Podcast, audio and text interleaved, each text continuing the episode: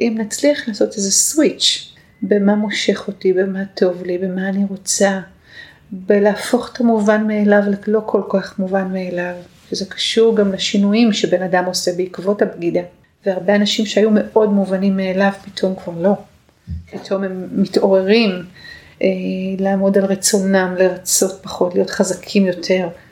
ואז הערך שלהם עולה בעינינו, ואז התשוקה חוזרת כשזה קורה. ברוכים הבאים לבית הספר לקרמה טובה. אני עורכת הדין רות דהן וולפנר ואני אדבר איתכם על זוגיות, על גירושים וכמובן על קרמה שהיא בעצם תוצאה. שלום וברוכים הבאים לעוד פרק בפודקאסט בית הספר לקרמה טובה. והיום מתארחת אצלנו דנה וייסברוט. דנה היא מטפלת זוגית ומשפחתית ומומחית, לא תאמינו, בתחום הבגידה הרומנטית. היי דנה.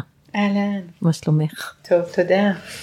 אז מה, מה, מה עושים עם כאלה בגידות רומנט, רומנטיות שאפשר לטפל בהן? איך מטפלים בזה? קודם כל מטפלים, את יודעת, הרבה מאוד uh, זוגות uh, מגיעים ככה לרגע הלא פשוט הזה בכלל, שקוראים לו בגידה. כמה זה שכיח בעינייך? מאוד שכיח, מאוד מאוד שכיח, גם כגורם uh, אפשרי לגירושים וגם uh, כטראומה מאוד גדולה, כמשבר מה, מאוד כולם מאוד בוגדים? גדול. אה, לא כולם, אבל לצערנו הרבה מאוד אנשים, הרבה, מתוך הרבה מאוד זוגות, כאשר אה, האחוזים של המחקרים מראים לדעתי את קצה הקרחון, את יודעת, כמו שבים אמיתי רואים את הקצה למעלה, אז אה, המון מהדברים האלה מוסווים מתחת לפני השטח. יש בגידות, ש... יש בגידות שמעולם לא מתגלות. הרבה מאוד, הרבה, רובן, רובן לא, לא מתגלות. לא מתגלות, כן. אוקיי, ותגידי, אני, אני תמיד אומרת שאחד הדברים שהכי גורמים בעיניי לבגידה זה הזנחה. שאנשים מזניחים גם את עצמם, גם את התא המשפחתי, גם את הזוגיות, פשוט מזניחים, ואז אני, אני אומרת שהזנחה זה כמו פרצה קוראת לבגידה. ואיכשהו זה נהיה מובן מאליו, כבר לא, לא, פשוט מזניחים את הדבר הזה, לא בהכרח, אה, את יודעת, רבים ו- וכועסים, זה פשוט מזניחים, פשוט לא מעניין כבר. ואז מגיע, זה פתח מאוד טוב לבגידות, מה את אומרת על זה? אני אומרת שאת צודקת לגמרי, והזנחה, אה, רוב האנשים לא קוראים לזה ככה, הם פשוט אומרים אנחנו עסוקים, כי אנחנו עובדים ויש ילדים ויש אה, כסף ויש משכנתה ויש עולם שהוא נורא תובעני, נורא מהיר, נורא גם אה, מגרה לעוד ועוד, והם שוקעים בעולם הזה. והדבר שיש בבית, הוא, יש אותו כל יום.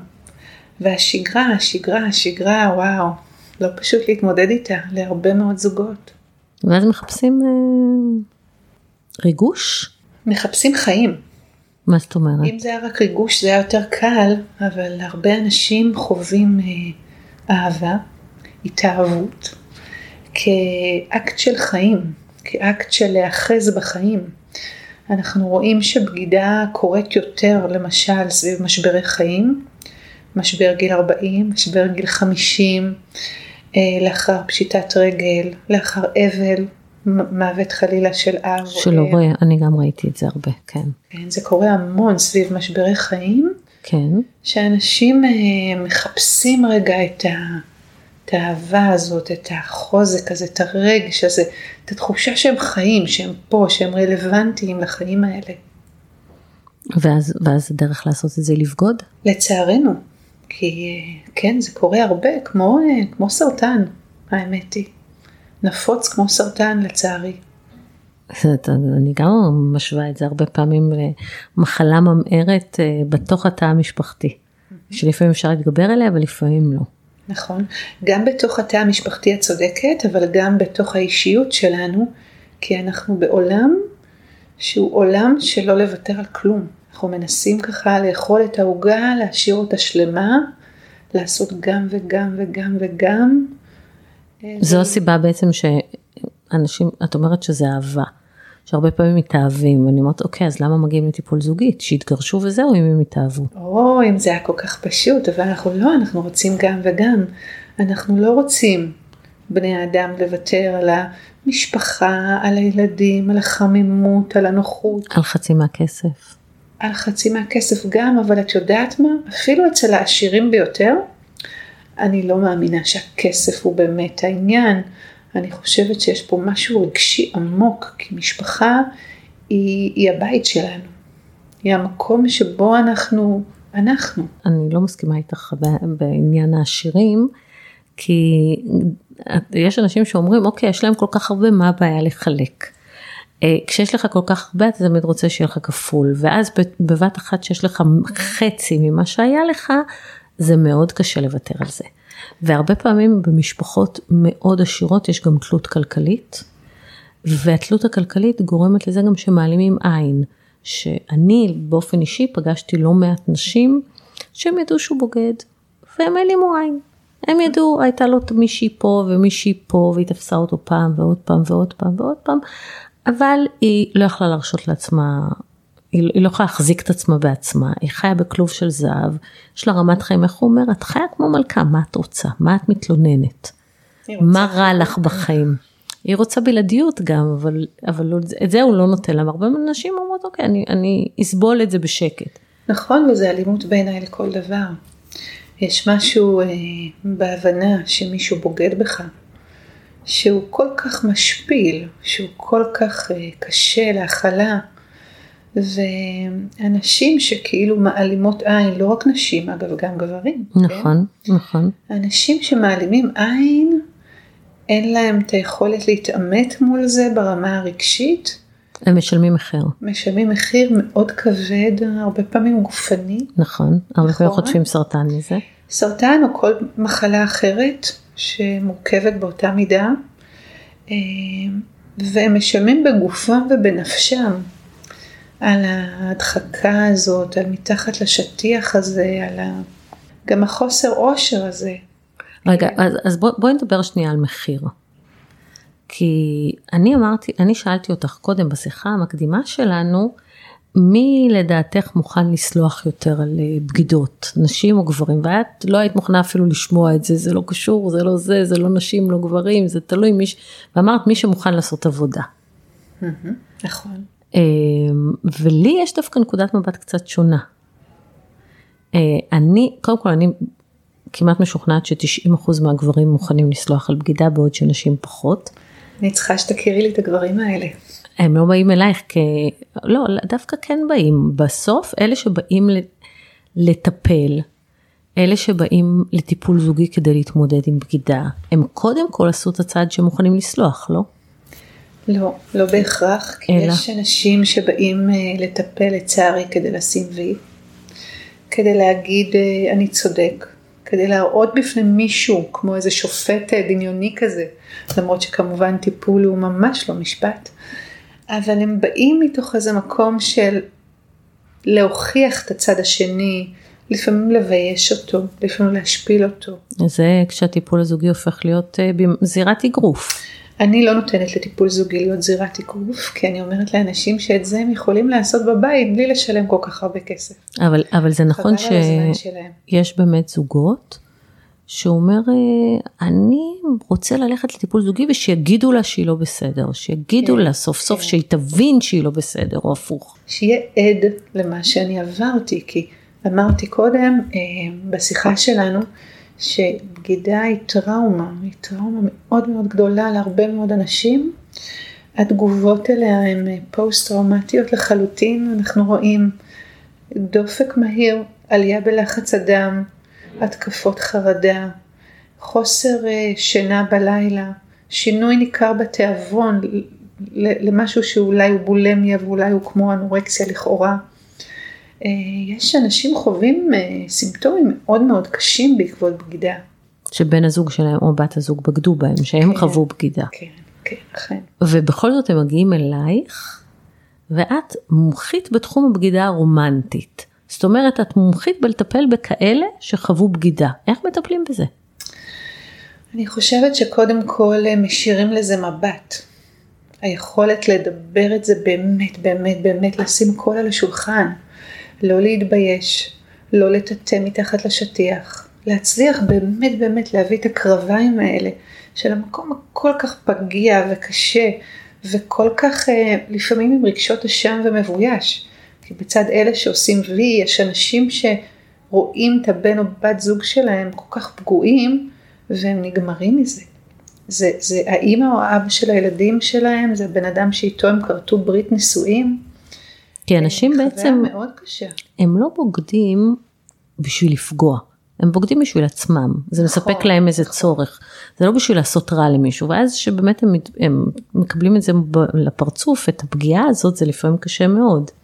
נכון, כי חלק מה, מהמקום הזה של בגידה קשור מאוד מאוד באיזה סגירת בועה, אני משווה אותה לרחם, אנחנו מחפשים את המקום הזה שכמו שהיינו ברחם של אימא, היינו מובנים, מוכלים, עטופים, חמימים, ולאורך החיים האלה אנחנו מקבלים איזה ניכור כזה עם החיים המודרניים שלנו, עם המכוניות שלנו לבד והדירות היפות שלנו והמשרדים שלנו, ואנחנו מתגעגעים מאוד מאוד לאיזה משהו עטוף וחם כזה, לאיזה בראשית כזאת, ומהמקום הזה אנחנו מגיעים למקום שאנחנו טובעים לתוך עיניים וגוף של מישהו אחר, ומחפשים מוצא מעצמנו. טוב, זה מאוד עמוק הדבר הזה. זה... מאוד עמוק. כמו שאמרתי לך, אני חושבת ש-90% מהגברים סולחים על בגידה בגלל שהם לא מוכנים לשלם את המחיר של הגירושים. ובעיניי, אנשים, או שהם הולכים לכיוון עונג, או שהם מבקשים להימנע מכאב. והכאב שכרוך בגירושים, אתה מפרק משפחה, ילדים, ואתה נפרד ממחצית מהרכוש שלך, ויכול להיות שאתה צריך לשלם גם מזונות. זה מחיר מאוד מאוד כבד, שיותר קל לשלם את המחיר של לנסות להתגבר על הבגידה או לסלוח עליה, מאשר לפרק. ולכן הם, הם, הם, הם באים אלייך ומנסים לעשות את העבודה, אם הם באמת מנסים לעשות את העבודה. מה הסיכוי שהם יצליחו? אני חושבת שהסיכויים של אנשים שבוחרים באמת באמת לעבוד, ושוב, לא כל אחד שבא לטיפול באמת בוחר לעבוד, אבל מי שכן, הסיכויים שלו מאוד מאוד מאוד טובים.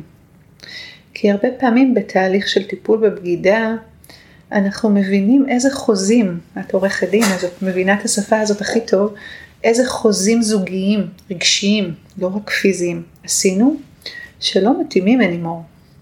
מה למשל, את יכולה לתת דוגמה? כן, לדוגמה, אני האישה הקטנה בבית, שמבשלת ומטפלת בילדים, ואתה איש העולם הגדול, ואתה מסתובב מארץ לארץ. ואני נורא נורא לבד, ואני לא רוצה את זה אנימור. זה לא חוזה רגשי שהיום מתאים לי. אולי כשהייתי בת 20-30 והתחתנתי איתך, וכל מה שרציתי זה בית וילדים, אולי אז זה התאים, אבל היום אני רוצה מישהו איתי. ואז בעצם האישה הזאת שהיא הפכה להיות האישה הקטנה, ושימו לב, היא תלויה כלכלית, והיא באיזשהו שלב משעממת אותו, ואז מתחיל לבגוד. היא הזניחה את עצמה, הזניחה את ההתפתחות שלה, והנה פרצה קוראת לבגידה. ואז היא מתעוררת. היא מתעוררת.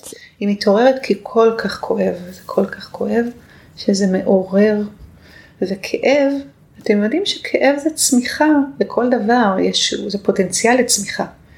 כי אנחנו, כשנוח לנו ומרפד לנו וטוב לנו, אין לנו סיבה לשנות שום דבר. אנחנו באזור הנוחות. בדיוק, אנחנו בקומפורט זון שלנו, וכשכואב לנו, ובגידה זה כאב חד ועמוק וטראומטי, אין לנו ברירה אלא להתעורר, וחלק מהאנשים אה, בוחרים בבגידה ויוצרים בגידה כדי לעשות שינוי בצורה לא מודעת.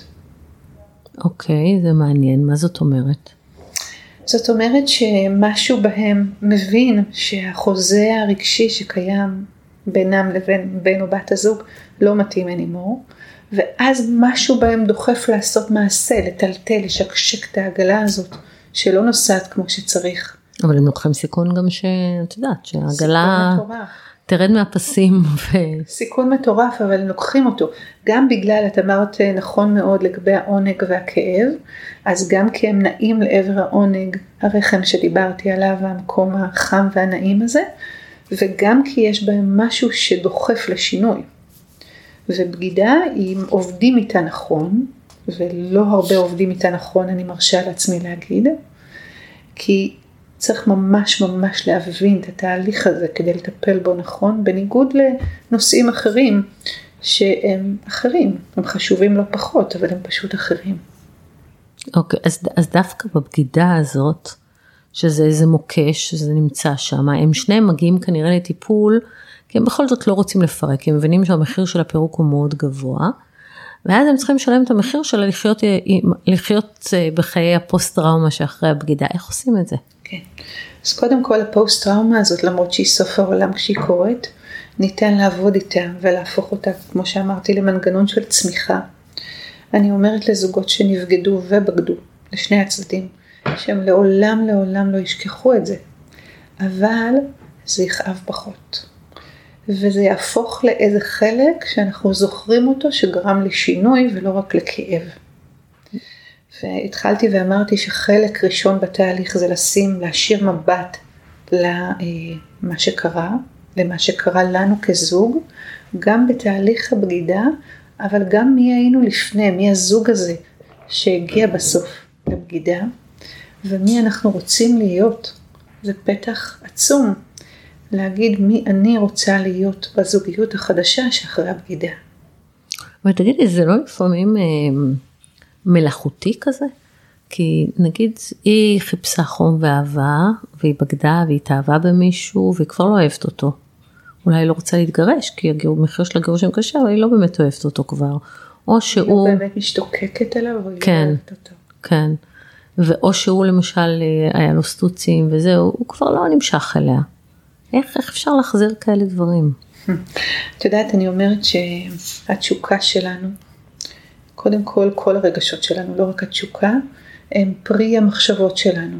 אנחנו כל הזמן, קודם כל חושבים, ואז מרגישים, ומתוך הרגש אנחנו מתנהגים. אבל אם נשנה את המחשבה שלנו, אם נצליח לעשות איזה סוויץ' במה מושך אותי, במה טוב לי, במה אני רוצה, בלהפוך את המובן מאליו ללא כל כך מובן מאליו, שזה קשור גם לשינויים שבן אדם עושה בעקבות הבגידה. והרבה אנשים שהיו מאוד מובנים מאליו פתאום כבר לא. כן. פתאום הם מתעוררים אה, לעמוד על רצונם, לרצות פחות, להיות חזקים יותר, אה, לעבוד יותר, להיות, להצליח בעולם יותר, ואז הערך שלהם עולה בעינינו, ואז התשוקה חוזרת כשזה קורה. אז יש דרך להחזיר את התשוקה. לגמרי, לגמרי. ודיברנו קודם על זה שאנשים פונים לייעוד זוגי אחרי בגידה, כי הם, הם גם צריכים קול שיגיד להם שזה אפשרי בעצם להתגבר על בגידה. נכון. כי הרגע הזה הוא נראה סוף העולם. והרבה זוגות, השאלה הראשונה שלהם, אומרים לי, תגידי, זה בכלל אפשרי להתרומם מה...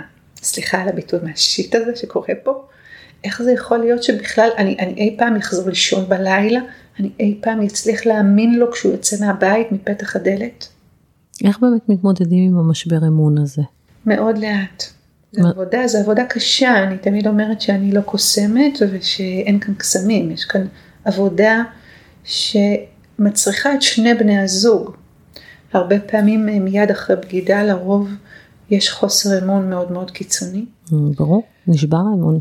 נכון, וגם לבן אדם שבגד מאוד קשה, כי הבן אדם השני נהיה מאוד מאוד אובססיבי, ולא מאמין, ובודק, וחוקר, ושואל שוב ושוב ושוב את אותן שאלות. והוא אומר, רגע, זה לא שפוי, אני לא יכול, לא יכול להתמודד עם הדבר הזה. ואני שם להגיד לו, תגיד, כשאתה שובר משהו בחנות אתה משלם? גם עכשיו שברת, שילמת, בגדת, נהנית, היה לך טוב, לתקופה, לאיזושהי אשליה של זמן, עכשיו הזמן שלך לשלם על זה, וחלק מהתשלום הוא להכיל את הכאב המאוד גדול, ואת החוסר אמון, ואת האובססיה, ואת השאלות החוזרות ונשנות של בן הזוג שלך. אבל מצד שני, דווקא הדבר הזה הרבה פעמים שובר. אני זוכרת שהיה לי מקרה לפני המון שנים, של בעל שתפס את אשתו, והוא מיד רצה לסלוח לה. והם כאילו ניסו, אבל הוא לא הצליח לצאת, אני לא בטוחה שהם היו בטיפול, הוא לא הצליח לצאת מהאובססיה של כל הזמן לשאול אותה, אז איך היה איתו? אז מה הוא עושה לך? אז הוא, הוא, הוא עושה לך יותר טוב ממני, אז ככה שכבתי איתו, אז ככה עשיתי איתו, אז ככה זה, אז ככה זה. והוא גם המשיך את זה, כי בהתחלה היא ניסתה לרצות אותו, ואז זה רק הגביר את האובססיה. ואז באיזשהו שלב היא אמרה לו, אני מתגרשת ממך. אני לא מוכנה יותר, לא רוצה, לא רוצה, עזוב, לא שווה לי את זה, אתה מוציא לי את הנשמה, אתה הורג אותי. Uh, סופו של הסיפור זה שבסוף הם נפרדו, הם עשו הסכם גירושים, ואז הם חזרו, והם עד היום ביחד, למרות שעברו מיליון שנה מאז. הם התגברו על זה, אבל הקטע הזה של האובססיה הזאת, שכאילו את אומרת, אתה צריך להכיל את זה, לא תמיד, לא תמיד מוכנים. נכון. וזאת העבודה של אדם שמטפל בבגידה, להצליח להחזיק את היד לא רק לזה שנבגד, אלא גם לזה שבגד, שהרבה פעמים חווה גם את הקושי הזה ועוד הרבה קשיים אחרים. תחשבי שאדם שנתפס בבגידה, בבת אחת כל מה שהוא היה הכי קשור אליו נקטע. הוא צריך לוותר לרוב על הבגידה שלו בבת אחת, על מושא הבגידה. ומניסיון אה, זה לא כל כך מתנתק מהר.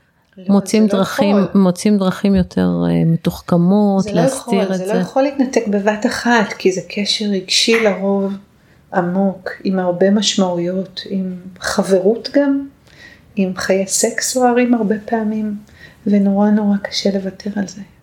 ואז הולכים לטיפול זוגי, אבל בעצם לא לגמרי ויתרו על זה, ואז מה, זה לא כאילו בדיחה? ואז מגיעה רעידת המשנה.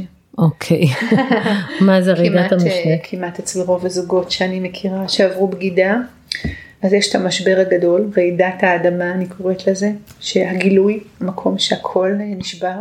ואז מגלים שהקשר לא, לא נגמר בעצם? זה הרעידת משנה? ואז מגלים עוד פרטים מאוד מהותיים על הקשר. כן. ולכן אנשים שבגדו, אני עובדת מאוד קשה כדי להסביר להם שהם יעשו לעצמם טובה ענקית ענקית ענקית, אם הם יעזרו אומץ אדיר, וזה אומץ אדיר, לשים על המכה הראשונה הכל על השולחן. הכל, את הפרטי פרטים, איפה הייתי ומה עשיתי ומה קרה, בלי להסתיר שום דבר. וזה לא מכת מוות? לא. המכת מוות זה רעידת המשנה, ממש כמו ברעידת אדמה הרגילה, אם חושבים על זה, נכון? שלא עלינו, כן, שיש רעידת אדמה, היו בארץ שניים, נכון? לא נכון. רעידת אדמה שלא עלינו כל צוות ההצלה מגיע ואז הנזק מרעידת המשנה יותר גדול מהרעידה הראשונה וככה זה בדיוק בזוגיות וזה נורא עצוב.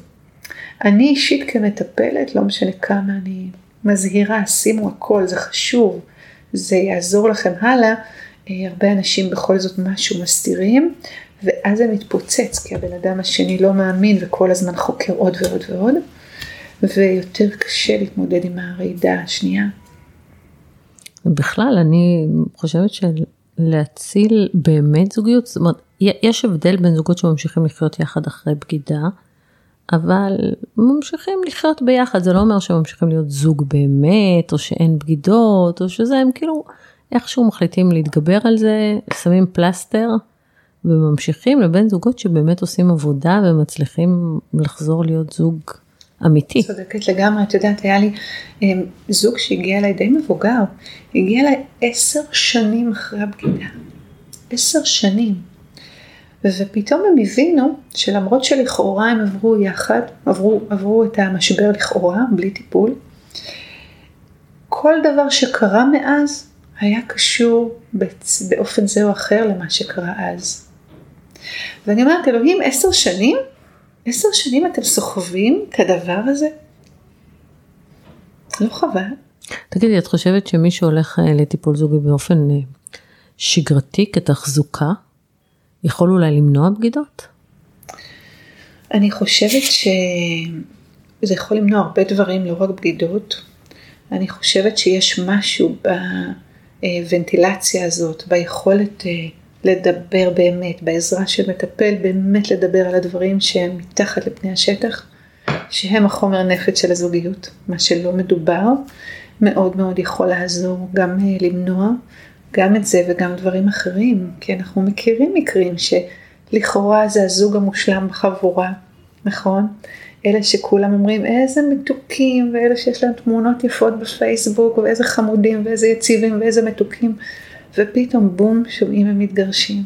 כן, האמת היא כן. שכל שבוע יש לי מישהו מישהי שאומרים לי, אף אחד לא מאמין שאנחנו, שזה המצב שלנו, כי זה הכל מתחת לפני כי זה השטח. הכל מתחת לפני השטח, הרבה פעמים אנשים שיש להם נטייה לריצוי, שהם לא מכילים, מכילים, מכילים, מכילים, אה, עד שבפנים הם קורסים ובום מתפוצצים.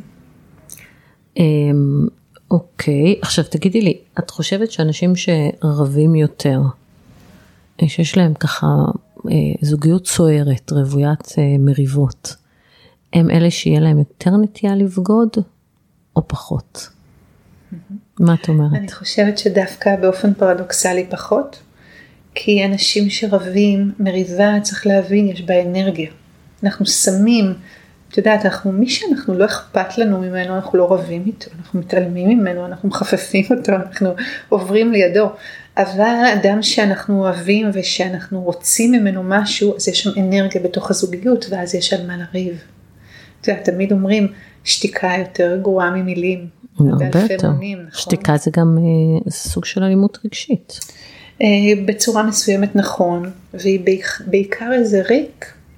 אה, את יודעת, אחד, נגיד בהורות למשל, אז אומרים שהחיזוק השלילי הכי טוב זה שתיקה, לא כעס, נכון? אנחנו רוצים אה, להכחיד התנהגות בהורות, אנחנו אה, שותקים. מתעלמים ממנה. מתעלמים. כי ההתעלמות היא העונש הגדול מכולם. כי בעצם אנשים רוצים את התשומת לב. נכון, אז במריבות ככל שזוג רב יותר, זה אומר שיש יותר אנרגיה בזוגיות, אפילו שזה לא נעים, כן? זה לא כיף. אבל יש יותר אנרגיה בזוגיות. ומה מה בעצם בעינייך הגורם מספר אחת למריבות? כי בסוף אנשים רבים על המון המון דברים, אבל מה יש שם מתחת? זה מעניין כי אני חושבת שיש שני דברים מתחת. וזה מדהים כי בינתיים בכל הטיפולים שעשיתי תמיד אמרו לי לא זה לא יכול להיות ואז אמרתי אוקיי תנו לי דוגמה. מתחת תמיד יש או אמונה שהבן אדם השני לא אוהב אותי או שהוא לא מעריך אותי. בכל המריבות. בכל המריבות, נכון עשיתי אפילו הדגמה איתך, אולי אפשר לעשות אותה כרגע, שאנשים יבינו. כן, נו. אז מה למשל, על מה את מתרגזת על בעלך? האמת שאני לא מתרגזת עליו על כלום, שזה גם לא טוב, אבל אה, אה, על מה הוא מתרגז עלייך? הוא, הוא בכלל לא מתרגז. אה, אני יכולה להתרגז עליו למשל, שהוא ערב שלם רואה טניס בטלוויזיה, ולא בא להיות איתי. אהה, אוקיי, זה קלאסיקה. אבל אני לא נכון? רבה איתו על זה, אבל אני מתעצבנת, כן. זה קלאסיקה. כמה נשים אומרות, אה, אתה עם הפלאפון שלך ולא איתי, אתה, אתה בטלוויזיה ולא איתי, אתה בטניס ולא איתי, לא משנה. או באופניים, שלך, כן. כן, בדיוק. אז כשהוא במשהו אחר ולא איתך, מה את מרגישה? שהטניס יותר אה, מעניין ממני. ואז מה את חושבת עליו ועלייך לרגע הזה, אפילו שלא בכלליות. אז, אז זה בדיוק הנקודה, שכאילו, איפה המקום שלי ואיפה המקום של הטניס? זאת אומרת, אתה מעדיף ערב שלם להיות ליד אז הטלוויזיה. מה זה אומר עלייך? מה זה אומר עליי? מה זה אומר על הזוגיות שלנו? מה זה אומר נו? שאולי היא בבעיה. אז הוא מעריך אותך ואוהב אותך באותה תחושה של רגע, כן? זה לא בכלליות. אני קשה לי להגיד שהוא, זה, אין לי פגיעה בקטע של הערכה, אבל כן, זה, זה כנראה משהו מתחת, אומר, אה, אתה צריך להיות איתי, אבל אני לא יודעת, את יודעת, אני באמת לא יודעת אם זה קשור לאהבה או הערכה, אלא יותר ל, ל, לקטע של הסדרי עדיפויות שלך. אבל מה סדרי העדיפויות שלך אומרים? נגיד, הכי, הכי קל לראות את זה בתגובה של ילדים קטנים.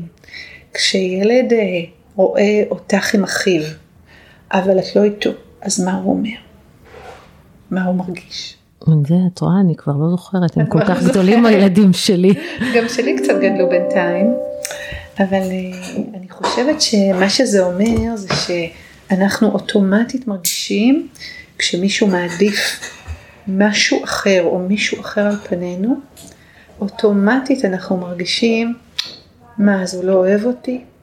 כמו ילד קטן כן. רגע, כן? אנחנו כולנו רגרסיביים ברגעים מסוימים. מה אז הוא לא אוהב אותי, אז הוא לא, לא, לא מרגיש איתי. ואני אומרת שכל המריבות כולם הזוגיות מסתכמות בדבר הזה. בפירוש שלנו, שמשהו שהוא או היא עושים כרגע, אומר שהם לא אוהבים אותנו הכי בעולם. אז אם אנחנו בעצם, אה, יש לנו את הידיעה המאוד ברורה שאנחנו הכי, הכי אוהבים אותנו בעולם והכי מעריכים אותנו, אז לא נריב? כי לא באמת רבתי איתו על הטניס, כי הוא ישר בא לו... וחיבק אותי ואמר לי, נו, זה אה, שטויות, אז מיד זה נרגע. אה, אני חושבת שגם אם נגיד, איזה באסה, למה לא רחצת כלים, בזה זה יסתכם, זה לא יהפוך עכשיו למריבת המריבות. כן? המריבות יהיו הרבה יותר פשוטות, הן יהיו בלהגיד, אוף, למה לא רחצת כלים, או מה קרה לך, למה לא הבאת את הילד מהגן, או ככה, בקטנה. אבל כאשר אנחנו מרגישים אה, שלא אוהבים או לא מעריכים אותנו, אה, זה כבר סיפור אחר, אנחנו יכולים לריב ולריב ולריב, אבל לכאורה על דברים אחרים לגמרי, אבל זה רק לכאורה. אוקיי, okay, ואת חושבת שטיפול זוגי יכול לעזור עם זה? אני חושבת שקודם כל טיפול זוגי טוב ישים את הדברים האמיתיים על השטח, ולא נתעסק רק בכלים ובכביסה. כן. נכון? אז בעצם את אומרת שאני חושבת שזה קצת כמו אימון.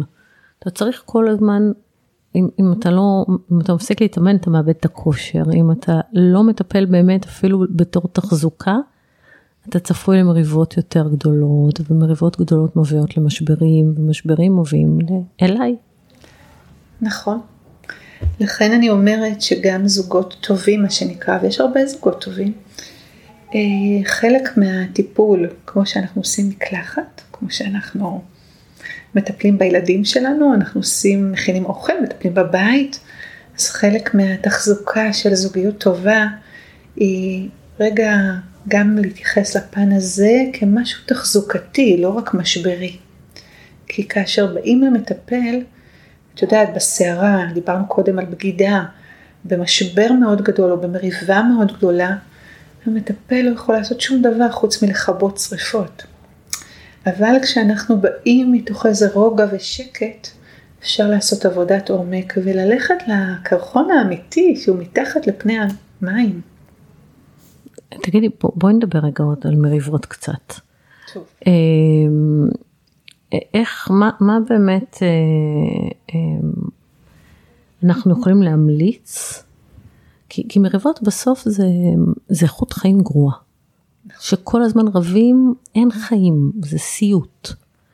אז מה אנחנו יכולים להמליץ לזוגות שרוצים לצמצם את המריבות? אי אפשר בכלל, כי אם לא רבים אמרנו זה מוות, תהיה בגידה, לא טוב, תריבו קצת, תריבו, אבל, אבל צריך לדעת לריב נכון. שהמריבה, לא כל מריבה תהפוך להיות איזה משבר נוראי שתטביע אותם בתוך הים, אלא משהו שעוברים מעליו. אז, אז מה בעצם אנחנו יכולים אה, אה, לתת להם? כללים, בואי נקרא לזה כללים למריבה נכונה. כן, יש דבר כזה, לריב נכון, ואני חושבת באמת שזוגות שרבים נכון, האיכות חיים שלהם הרבה יותר טובה. אז אני אתחיל מזה שהמטרה שלנו, אם נדמה רגע מריבות לגלים בים, ים יפה, אבל גלים גבוהים, אז הגובה של הגלים מושווה אצלי לעוצמה של המריבות. אנחנו רוצים להקטין את העוצמה של המריבות, להפוך את הגל המאוד מאוד גבוה ונמוך לגל קטן יותר, את הגובה שלו. זאת אומרת, איך נעשה את זה? קודם כל, נגיד לא מאוד ברור למעשים קיצוניים. קווים אדומים. קווים אדומים, בדיוק. מעשים קיצוניים כמו למשל אה, קללות, לא עלינו אלימות, כן, גם קללות זה אלימות, גם אלימות פיזית זה אלימות כמובן, השפלות, אה, נטישה. תראי, אני רוצה שנייה לדבר על, על הקללות, זה באמת, יש אנשים שהם רבים, ואז בגלל שהם רבים, כל הגבולות נחצים, הכל מותר. הייתה אצלי מישהי שסיפרה לי שבעלה קנה לה שרשרת יהלום, ואחר כך היא עשתה משהו שעצבן אותו, והוא במשך שלושה ימים אמר לה שהיא בהמה. והשרשרת היא אמרה לו, אני לא צריכה אותה, תקח אותה, אני לא רוצה אותה, כי החוויה של הקללות האלה כל היום וההשפלות, הייתה הרבה יותר חזקה, הרבה יותר דומיננטית, ומה שנקרא מחקה את, ה, את השרשרת יהלומים שהוא נתן לה. אז באמת אה, אני חושבת שאחד הכלל הראשון זה, זה, זה תשימו קווים אדומים. תחליטו שלא משנה מה, אתם לא יורדים לרמות מזעזעות. נכון, זה, זה באמת הכלל הראשון, הקו האדום הזה שאנחנו לא אלימים בשום צורה ובשום אופן, כי זה לא נכון לעשות את זה. זה גם הופך כל מריבה לדרמה, למשבר. כי מתחילים... זה מגדיל ומקטין את גובה הגלים, כן? זה יורד יותר למטה, בתחתית הגל, וזה עולה יותר למעלה. ואנחנו מנסים להפוך את הגלים ליותר קטנים וחמודים. אז זה באמת הדבר הראשון. הדבר השני זה שאנחנו לא נוטשים. מה זה נוטשים? את מכירה את הזוגות האלה שאוקיי, משהו עצבן אותי, אני פשוט קם והולך? הוא הולך להורים שלו, היא הולכת להורים שלה, או לחברה טובה, או שנוסעים לחו"ל בהפתעה. פשוט נעלמים. פשוט נעלמים. מרימים פשוט... חומה, אני לא פה, דברי לקיר, וזהו. נכון, אני פשוט לא פה, אני פשוט קם והולך. וזה משאיר את הצד השני בתחושה איומה של נטישה. בתחושה ש... זה דרך אגב תגובה מאוד, מאוד מאפיינת נרקסיסטים. קוראים לזה סטרון וולינג. הם נעלמים, אין, אין עם מי לדבר פתאום. נכון. משהו נשבר, אבל גם לא נרקסיסטים, קמים והולכים, אנשים שלא אה, שמים את הגבולות ואת המחויבות לזוגיות ולבית בראש סדר העדיפויות, ופשוט קמים ונוטשים, וזו חוויה איומה, איומה, איומה. מאוד מאוד קשה לבן אדם שנשאר וגם לבן אדם שהולך. כי בעצם לא מאבדים את הריב, ואז זה הופך להיות מפלצת ענקית שגר לכם בבית. אכן, והרבה אנשים אומרים לי, אז רגע, מה את אומרת לנו? שנשאר בשיא העצבים ליד הבן אדם השני? אז אני אומרת לא, אבל בואו תהיו הגונים, בואו תגדירו רגע לאן אתם הולכים, לכמה זמן אתם הולכים, ותחזרו. זאת אומרת, תיצרו בתוך המריבה איזושהי ודאות. זה לא שנעלמתי ואני לא אחזור, כי ברגע שבן אדם הולך ואין לך גישה והוא חוסם, לפעמים גם חוסמים בוואטסאפ, או לפעמים פשוט לא עונים, יש איזה חוסר ודאות, רגע אז אולי זה נגמר, אולי לא יחזור, אולי לא תחזור, אולי, אולי היא רוצה להיפרד ממני. וברגע שאומרים בסדר, תקשיב, אני צריכה שעה או שעתיים, או נדבר מחר, אז זה יוצר איזה ודאות של אוקיי, יש זמן להירגע ו... ודאות, שליטה, תחושה של משמעות, של אני שווה משהו. ולא פשוט זורקים אותי והולכים. כי בשנייה הזאת שבן אדם נוטש, זהו, החוויה היא שזה הסוף. כן, זה, זה יכול, הרבה מאוד אנשים מגיעים אליי בגלל מריבה, שפשוט סגרו, שמו להם קיר חומה ואומרים די, אני לא יכול עם זה יותר. נכון. צריך לשים לב, זה, זה יוצר חוסר ודאות במערכת, וכשאדם נמצא בחוסר ודאות, הרבה פעמים הוא בוחר להתגונן, והדרך להתגונן זה לפעמים אוקיי, אז אני רוצה להקדים אותו, אם הוא רוצה, אם הוא רוצה להתגרש ממני, אני רוצה לפתוח תיק ראשון, הוא בכלל לא התכוון להתגרש.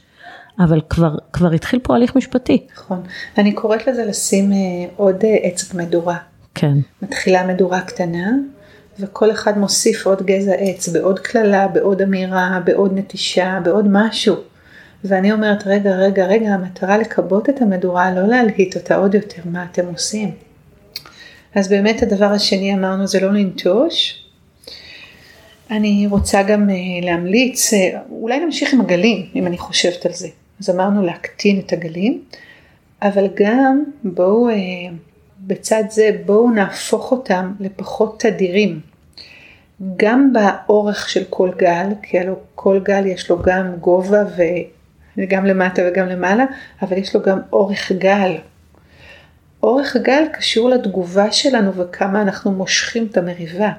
אוקיי. Okay. יש את הזוגות שרבים על משהו ואז שבוע לא מדברים והמריבה בעצם נמשכת. או מדברים רק טכני, זה מאוד נפוץ. רק ילדים, כביסה, כלים, תתתם, כן. תביא, תעשה, תלך, בוואטסאפים בדרך כלל. נכון. אז אני אומרת, בואו תיקחו מחויבות לקצר יותר ויותר ויותר את אורך המריבות. זאת אומרת, יש לנו מחויבות לטפל במריבה לא אחרי שבוע, וגם לא אחרי שלושה ימים. אולי אחרי שעה, שעתיים, שלוש. לא, ברגע שאתם מבינים שאם אתם מושכים את המריבה, אתם יכולים להגיע לסוף הדרך גם. נכון, וגם אתם תכלס הורסים לעצמכם את השבוע. איזה תחושה זאת לקום בבוקר, ללכת לעבודה, כשאתה יודע שאתה לא מדבר עם הבן או בת זוג שלך. זו תחושה ממש נוראית. ממש איומה, ממש ממש איומה. אה, אני חושבת שכשעושים את כל אלה וגם אה, בתוכן של המריבה, באיך לריב, אנחנו היינו רוצים אה, להיות במקום שאנחנו מדברים על עצמנו ולא על הצד השני.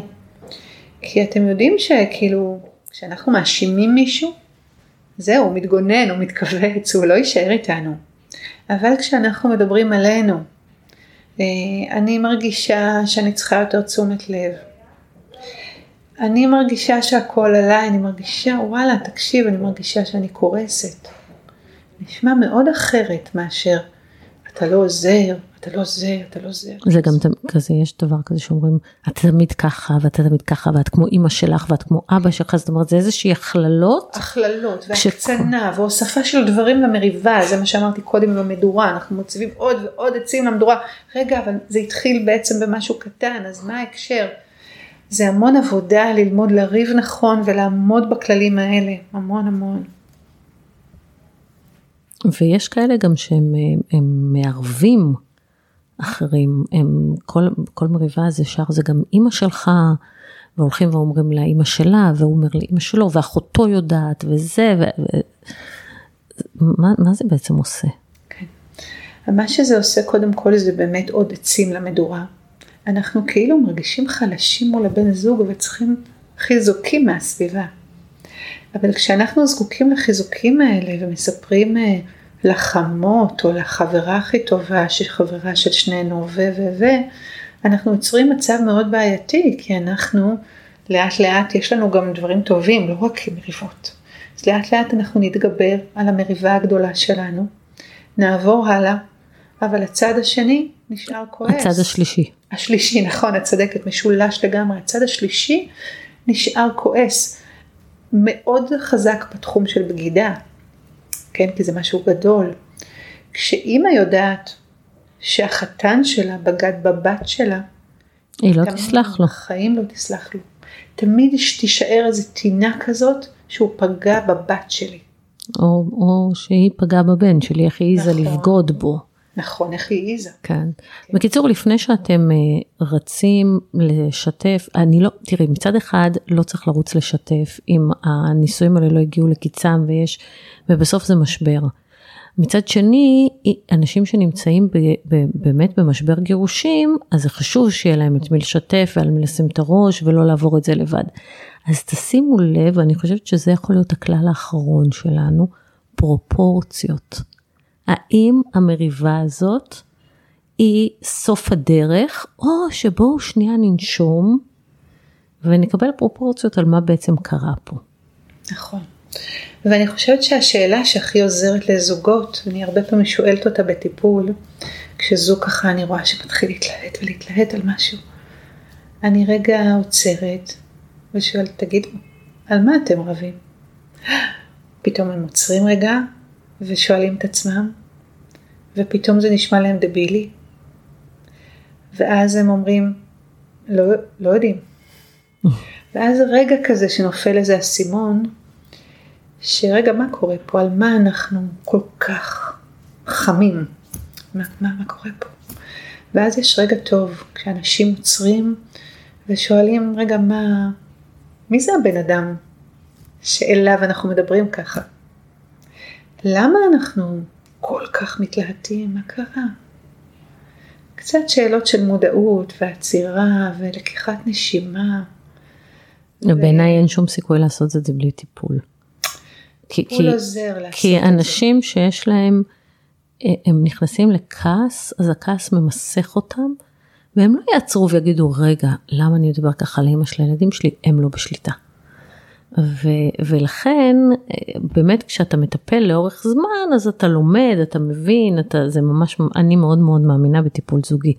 אני אומרת לאנשים אפשר להתגבר על הרבה מאוד משברים אם תלכו לטיפול זוגי והרבה פעמים אם מי שאיתכם לא מוכן לטיפול זוגי, סליחה גברים, אבל הרבה גברים לא מאמינים בטיפולים זוגיים עד שאומרים להם טוב מתגרשים ואז הם מסכימים.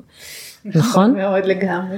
אז, אז אם את רוצה טיפול, את מרגישה שצריך טיפול ואין עם מי לדבר, תלכי טיפול לבד. זה ילמד אותך להתמודד, להציב גבולות, לראות איך, איך חיים עם הדבר הזה, איך מתנהגים בתוך מריבה, והרבה פעמים זה מאוד מאוד משפיע על הזוגיות. נכון, והרבה מקרים כאלה, בדיוק כמו שאת מתארת מאוד יפה, הרבה מקרים כאלה מסתיימים בזה שהוא בא. כי היא לפעמים מתקשרת ואומרת, בעלי לא רוצה טיפול. ואני אומרת לה, אוקיי, את תחליטי שזה מה שאת עושה, ואת תודיעי לו שקבעת לכם פגישה. ועכשיו בואי נראה אותו יושב שם בבית וחושב על מה היא מדברת עליי עכשיו. כן. והרבה מהגברים אה, מצטרפים ברגע הזה שהיא באמת באמת מחליטה. כי תמיד אני אומרת שכלב נובח לא נשך, כן? אפשר לדבר ולדבר, אבל כשאת עושה, את עושה. וגם כשאתה עושה, אתה עושה. כן, אם, אם אין לכם באמת כלים לטפל בזה, אתם לא מסוגלים לצאת ממריבות, לא מסוגלים להיכנס לפרופורציות. מריבות שאני לא מדברת על בגידות כמובן, אבל מריבות שבאמת מגיעות, כל מריבה מגיעה למקומות מגעילים, קשה לצאת מזה, אין לכם איכות חיים, אז כמובן הדבר הראשון שאני ממליצה עליו זה טיפול זוגי. אבל אם אין הסכמה על טיפול זוגי, לכו לבד. לכו לבד, הרבה פעמים אתם תקבלו החלטה בסוף שלא מתאים לכם לחיות ככה ולא יעזור כלום. אבל גם הרבה פעמים בסוף בן או בת הזוג יצטרפו לטיפול, או שתקבלו כלים איך להתמודד איתם, ו... ותחסכו גירושים. באמת תחסכו גירושים. וגם אם תבחרו בדרך של פרידה, כמו שאת בטוח יודעת הכי טוב בעולם, יש פרידה ויש פרידה. כי מגיע לנו גם לחיות טוב, ואם נפרדים, גם להיפרד טוב. נכון, טוב, בדברים אלו נסיים. תודה רבה לך דנה שבאת. תודה לך. היה מרתק. ואם אהבתם, או אם אתם חושבים שיש זוג שיכול אה, לקבל ערך מהפרק הזה, תעבירו להם. אה, תודה שהייתם איתנו ונתראה בפרק הבא של בית ספר לכמה טובה.